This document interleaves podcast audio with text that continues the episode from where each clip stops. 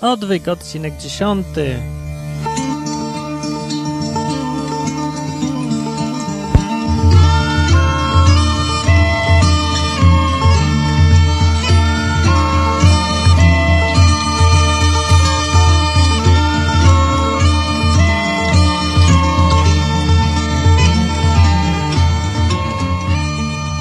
dzień dobry. E, mówi Martin. Dzisiaj znów odcinek odwyku na temat ewolucji, tak co trzeci. To akurat wypada.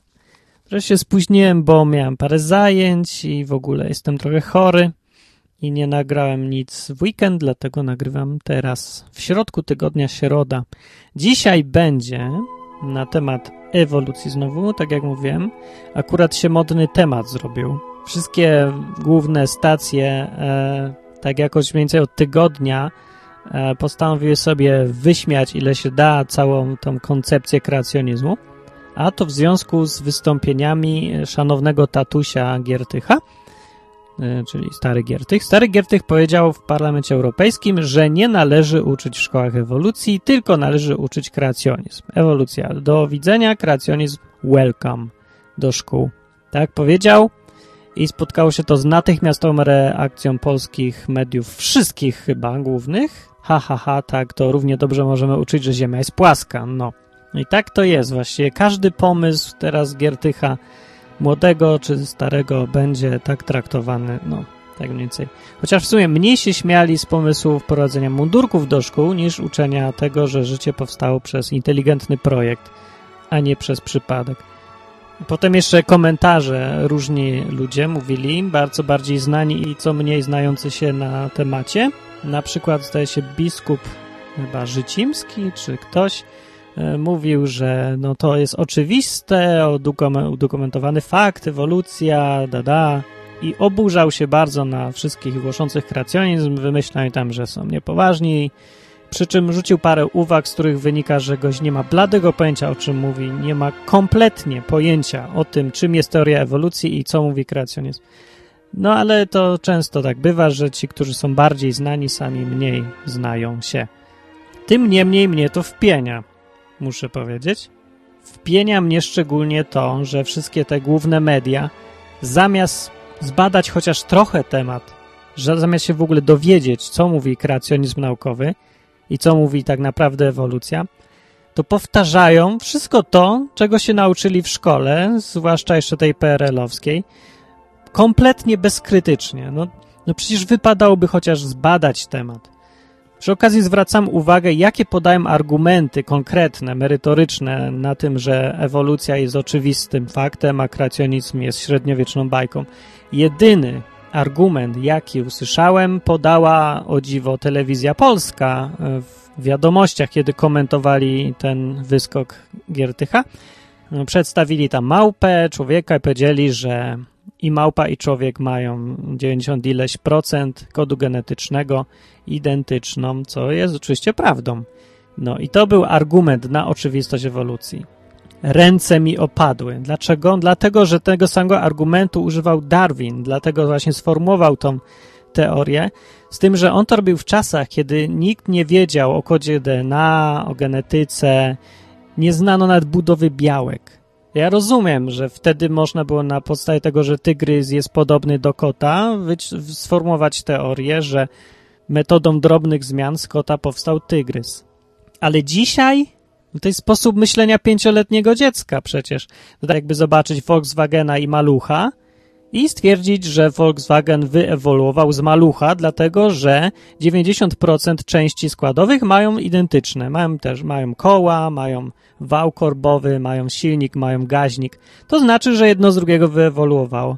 Czysty nonsens, czysty nonsens i bezmyślność. Podobieństwa w budowie nie świadczą absolutnie o niczym, bo przecież równie dobrze można powiedzieć, że Volkswagen sobie powstał w jednej firmie, a Fiat sobie powstał w drugiej firmie. I równie dobrze można powiedzieć, że słoń powstał swoją drogą, a mamut powstał swoją drogą. I przez ileś tam lat ze słonia powstawały następne słoniki, a z tych słoni następne słonie.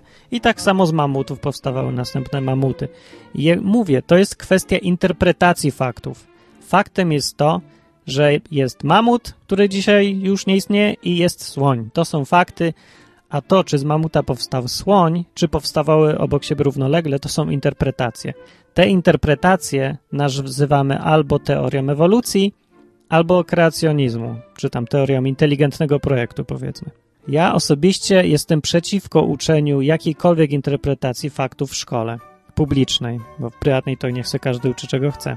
Powinno się uczyć faktów, powinno się uczyć, że wykopaliśmy tyle i tyle mamutów, wtedy i wtedy, tyle i tyle słoni, takie są podobieństwa, tak są zbudowane. Koniec, na tym koniec. Bez dodawania, czy to zostało stworzone, czy, czy ewoluowało, bo jedno i drugie jest tak samo niesprawdzalne. Co do różnic w kodzie genetycznym, to jest dosyć oczywiste, że powinny być, jeżeli kreacjonizm miał miejsce, no bo przecież pochodzą od tego samego stwórcy. No tak, jeżeli, tak samo jak ja piszę jakieś dwa programy, jeden do księgowości, a drugi dla cyrku, no to one i tak będą miały 90% tego samego kodu, bo te jakieś mniej skomplikowane, niższe funkcje zawsze będą identyczne. No, na przykład wiadomo, że wszystkie e, organizmy żywe, białkowe mają ten sam mechanizm przetwarzania energii bardzo sprytny i bardzo ekonomiczny, więc nie ma powodu, żeby dla każdego organizmu tworzyć od początku nowy system przetwarzania energii. Był jeden pomysł, jest dobry, jest używany we wszystkich organizmach. Stąd jest aż tyle podobieństw w kodzie DNA, no bo większość organizmów ma te same pomysły konstrukcyjne, nie? Argument na nic absolutnie, ani na ewolucję, ani na kreacjonizm, ale używany. Nie, ja kompletnie nie wiem, co jest aż tak strasznie śmiesznego w tym, że życie zostało zaprojektowane, a nie powstało przez przypadek sobie po prostu. Nie wiem, co, co jest w tym aż tak śmiesznego, żeby to tak wyśmiać? Czy to jest naprawdę tak oczywiste dla was? To jest tak, żeby człowiek przyszedł sobie do lasu na przykład, patrzy i co widzi? Dwa tysiące ustawionych w rządku monet, wszystkie odwrócone stroną orzełka do góry i teraz sobie myśli tak, Hmm, ktoś tu przyszedł i to ustawił. Jakaś osoba, ktoś inteligentny. No przecież samo się tak nie zrobiło. Leci do jakiegoś kolegi i mówi mu, że znalazł w lesie dwa tysiące ustawionych w rządku monet i wszystkie ustawione orzełkiem do góry. A drugie mówi, haha, ale jaja, jak mogłeś w takie głupoty uwierzyć? Przecież to jest oczywiste, że te monety przyleciały, bo kiedyś była burza, te monety sobie przyfrunęły i akurat się tak ułożyły. Taki zbieg okoliczności. Wiadomo, że to jest bardzo małe prawdopodobieństwo, ale jest możliwe, więc tak jest, po prostu. To jest naukowa teoria, udokumentowane, oczywiste. A twoja głupia koncepcja inteligentnego człowieka, który ustawił sobie w rządku 10 tysięcy identycznych monet, wszystkie ustawione rzekiem do góry, jest śmieszna i średniowieczna. Do kruchty z tobą. No, mniej więcej taka sama historia. Jeżeli ktoś słyszał moich poprzednich odcinków, to wiecie, że staram się traktować równie poważnie interpretację ewolucyjną, jak i interpretację kreacjonistyczną, chociaż każdy, kto krytycznie podejdzie do tych faktów, no o ile je zna, bo trzeba trochę wiedzieć, e, no musi stwierdzić, że pomysł, że wszystko powstało przypadkiem jest absurdalny. Jeżeli z czegoś się śmiać, to raczej z teorii ewolucji. A na pewno nie z tego, że ktoś to inteligentnie skonstruował. Jedyne, co jest tak naprawdę trudne do uwierzenia w kreacjonizmie, to jest sam pomysł, że coś mogło powstać z niczego, bo to się zwykle nie dzieje. No ale z drugiej strony nie dzieje się też zwykle, że kod mi ewoluuje w krowę albo coś w tym stylu, albo że chomikowi wyrastają skrzydełka. Ani jedno, ani drugie zwykle się nie zdarza, więc śmiać się tutaj nie ma z czego. No w końcu skądś się to wszystko wzięło dookoła nas jeżeli próbujemy odkryć skąd się to wzięło, to zaczynanie tego odkrywania od wyśmiewania się z teorii, która jest całkiem sensowna, albo przynajmniej może być, ma szansę być sensowną, jest średnim pomysłem, bo w ten sposób do niczego nie dojdziemy. W ten sposób możemy dojść tylko do świętego spokoju, ale na pewno nie do odkrycia, jak było naprawdę. Zastanówmy się, czy chcemy się dowiedzieć, jak było naprawdę, czy chcemy mieć święty spokój. Jak chcemy mieć święty spokój, to wierzmy sobie w to, co wszyscy wierzą. Niezależnie od tego, czy to jest akurat, że Ziemia jest płaska, czy że była ewolucja, czy że ufolutki przyszły i wydmuchując nos na przykład zapoczątkowały powstanie życia. No. Albo w dowolną inną rzecz, byle tylko mieć święty spokój. No więc postawmy sobie pytanie na początku, czy chcemy poznać, jak było naprawdę i tutaj nie ma miejsca na wyśmichy, chichy, tu jest miejsce na dowody, a nie na wyśmiewanie się tak po prostu, bo jest coś oczywiste, bo tak nas uczyli. No a jak nas to nie interesuje, chcemy mieć święty spokój, to sobie pójdźmy telewizję, będziemy mieć święty spokój, ale będziemy wierzyć w głupoty. Konsekwencje tego wierzenia w nieprawdę zawsze w końcu wyjdą i będą raczej złe. Rzadko się zdarza, żeby wierzenie w nieprawdę doprowadziło do czegoś dobrego. Ale to już jest tak naprawdę Twoja sprawa, drogi słuchaczu, a nie moja, ani niczyja inna. No, a teraz w ramach odśmiewania kreacjonizmu i dośmiewania ewolucjonizmu e, chciałem wymienić tak zwięźle e, w punktach, jakie są zarzuty wobec teorii ewolucji.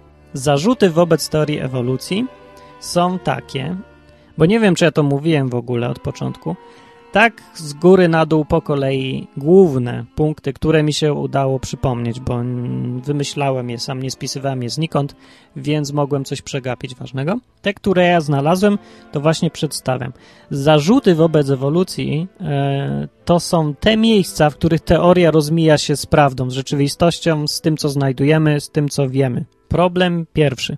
W zapisie kopalnym nie ma żadnego płynnego przejścia pomiędzy gatunkami, takiego przejścia ewolucyjnego. Wszystkie odnajdywane gatunki są w pełni funkcjonalne i wydają się być gotowe. To, co nam się przedstawia jako formę pośrednią, jest tak naprawdę gotowym, osobnym gatunkiem, który jest, no, ma wszystko wykształcone. To nie jest coś pośredniego, niedokończonego, nieudanego. To jest działający, dobrze skonstruowany organizm. Wszystkie e, organy wewnętrzne są gotowe, wszystko jest zrobione tak, jakby to był finalny produkt, a nie pośredni. To jest istotne, żeby zrozumieć różnicę między e, formą pośrednią, a czymś, co nie jest formą pośrednią, tylko gotowym organizmem. Teoria ewolucji, jeszcze ta pierwsza darwinowska, zakładała cały szereg powolnych przejść od jednego organizmu do drugiego, od jednej formy do drugiej. Jeżeli powiedzmy z płetwy miały powstać pióra, to pomiędzy płetwami a piórami powinna być cała długa linia form pośrednich, jakieś pióro, płetw i takich różnych. Tymczasem nie ma czegoś takiego. Są albo działające gotowe płetwy, albo działające gotowe pióra. Nie znajduje się po prostu nic, co by było nieudane. Oczywiście Darwin był świadomy tego problemu, to był główny właściwie zarzut przeciwko jego teorii, ale sam pisał, że i liczył na to, że w przyszłości znajdzie się dużo więcej takich form, że po prostu nie znaleziono ich jeszcze, że znajdą się w przyszłości, jak, jak już się do nich dokopie po prostu. Niestety nie dokopano się wcale do nich, no ale jakoś nie zniechęca to ludzi, jak widać, do tego, żeby tego dalej uczyć dalej w to wierzyć. Drugi problem, który właściwie powinien być pierwszym. Nie odnotowano ani jednego udokumentowanego przypadku ewolucji organizmów. To znaczy po prostu w życiu codziennym takie rzeczy się nie zdarzają. Nie zdarzały się przez ostatnie parę tysięcy lat również.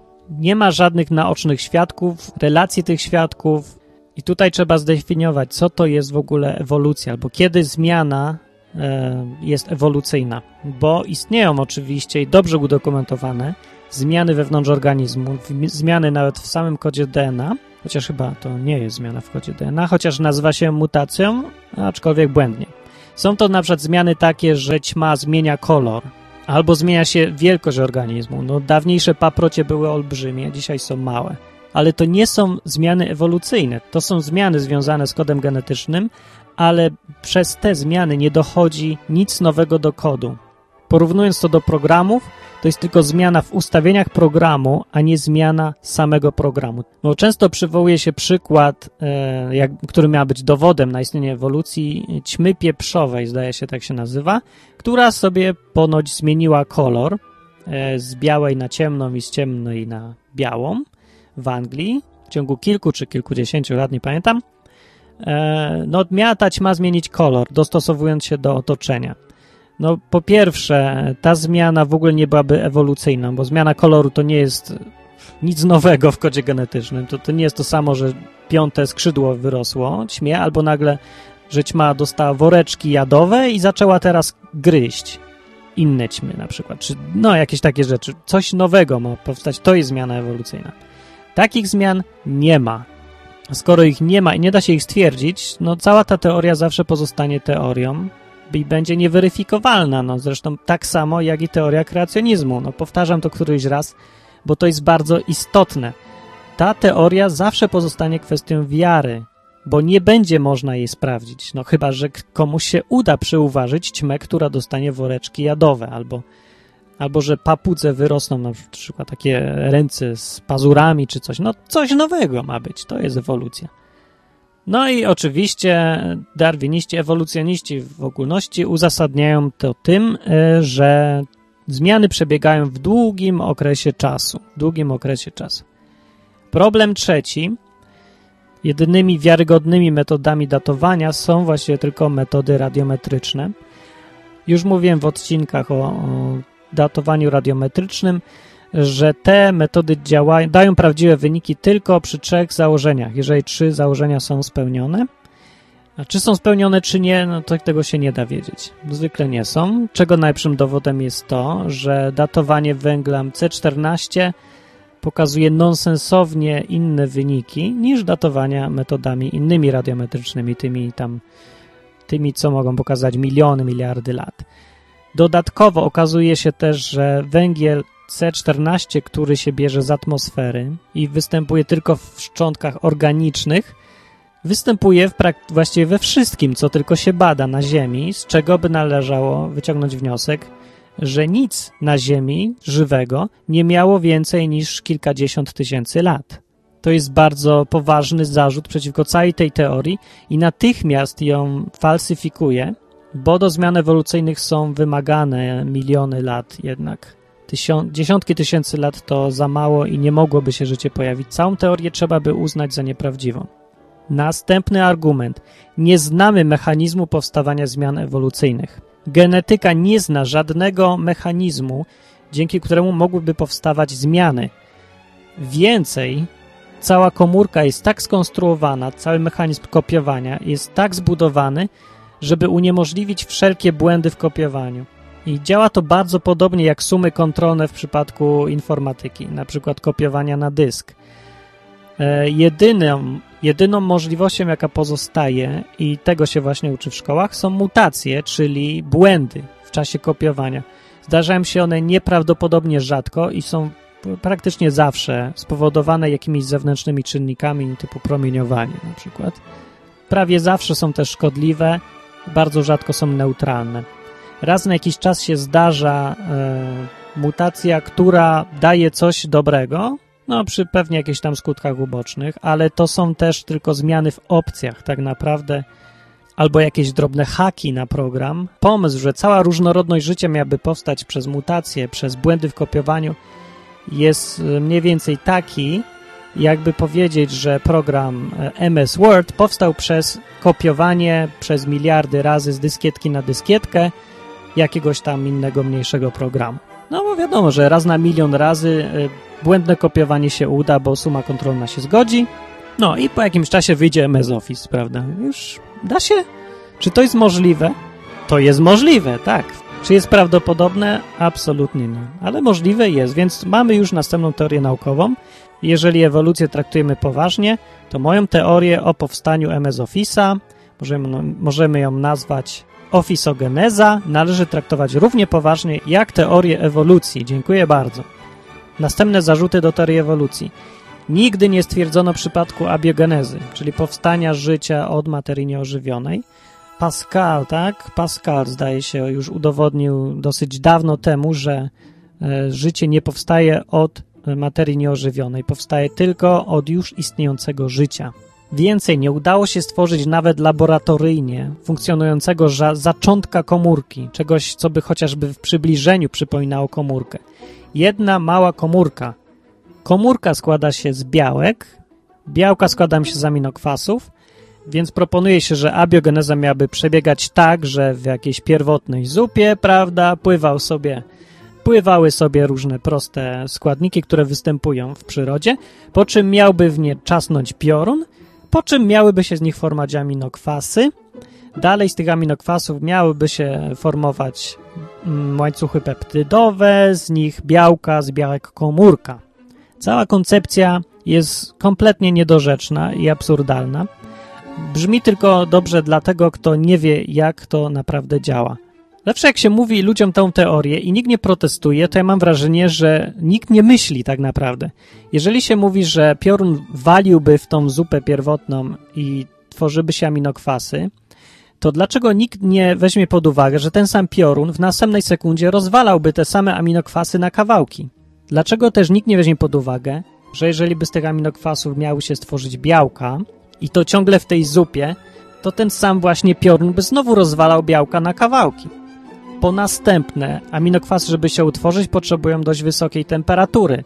Natomiast białka potrzebują niskiej temperatury, bo wysokie się denaturują. No. Więc ja nie wiem, jak ktoś sobie to wszystko wyobraża, że tu w jednym miejscu wali piorun, robi aminokwasy, potem jakiś wał transportowy te aminokwasy natychmiast transportuje tam, żeby już ten piorun je nie mógł rozwalać.